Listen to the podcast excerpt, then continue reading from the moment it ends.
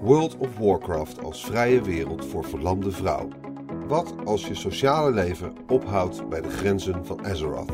Geschreven door Marcel Vroegrijk voor Laatscherm.nl. Ingesproken door Arjan Lindeboom. Pakweg tien jaar geleden was ik zwaar verslaafd aan World of Warcraft. Voor mij vormde het de perfecte manier om te ontsnappen aan een realiteit waar ik niet op was voorbereid. Pas toen ik al net zo hard stopte met spelen, kwam het besef dat het spel niet voor iedereen bedoeld is als uitvlucht. Voor een Duitse vrouw die ik had leren kennen, was het een noodzakelijke uitkomst. Ik zeg Duitse vrouw niet enkel uit privacyoverwegingen. Ik weet haar echte naam niet meer. En daar schaam ik me best een beetje voor.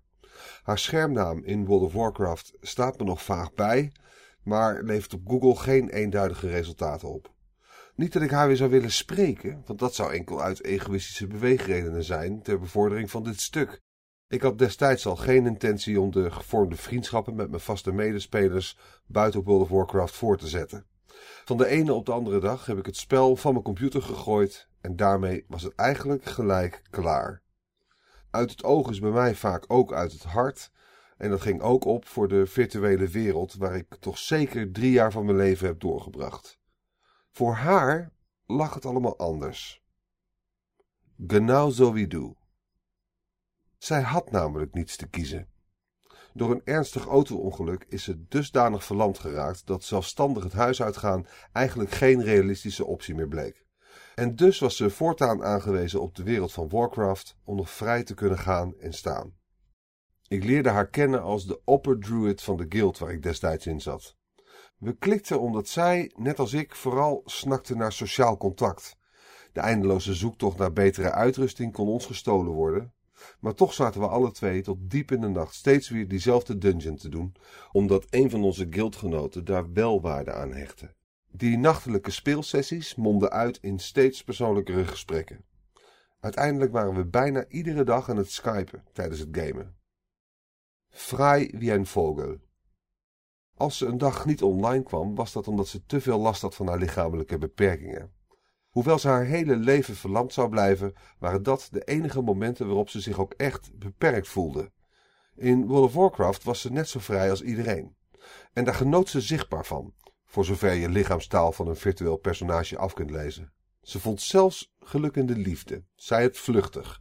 In een van onze vele Skype-gesprekken vertelde ze me dat ze verliefd was geworden op de guildleader en dat hij binnenkort naar Duitsland zou komen. Maar nog voor die ontmoeting brak er al een grote dag aan.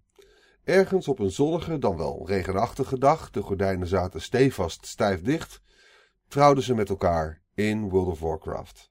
Bij gebrek aan een officiële trouwambtenaar voltrok ik het huwelijk.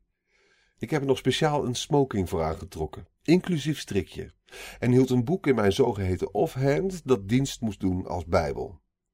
Een daadwerkelijke bruiloft is er helaas nooit van gekomen. Ende einer era.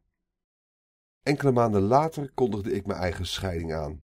De jaren dat World of Warcraft onlosmakelijk met mijn leven was verbonden, hebben me tot zekere hoogte geholpen mezelf te leren kennen. Maar ze verbloemden vooral een diep dal. Toen ik daar eindelijk uit wist te kruipen, was het tijd om het spel vaarwel te zeggen.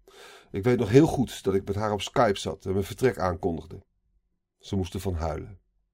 Hoewel ik haar naam niet meer weet, zal ik dat moment nooit meer vergeten. In mijn enthousiasme praatte ik vooral over hoe blij ik was dat ik eindelijk weer terug kon naar mijn echte leven.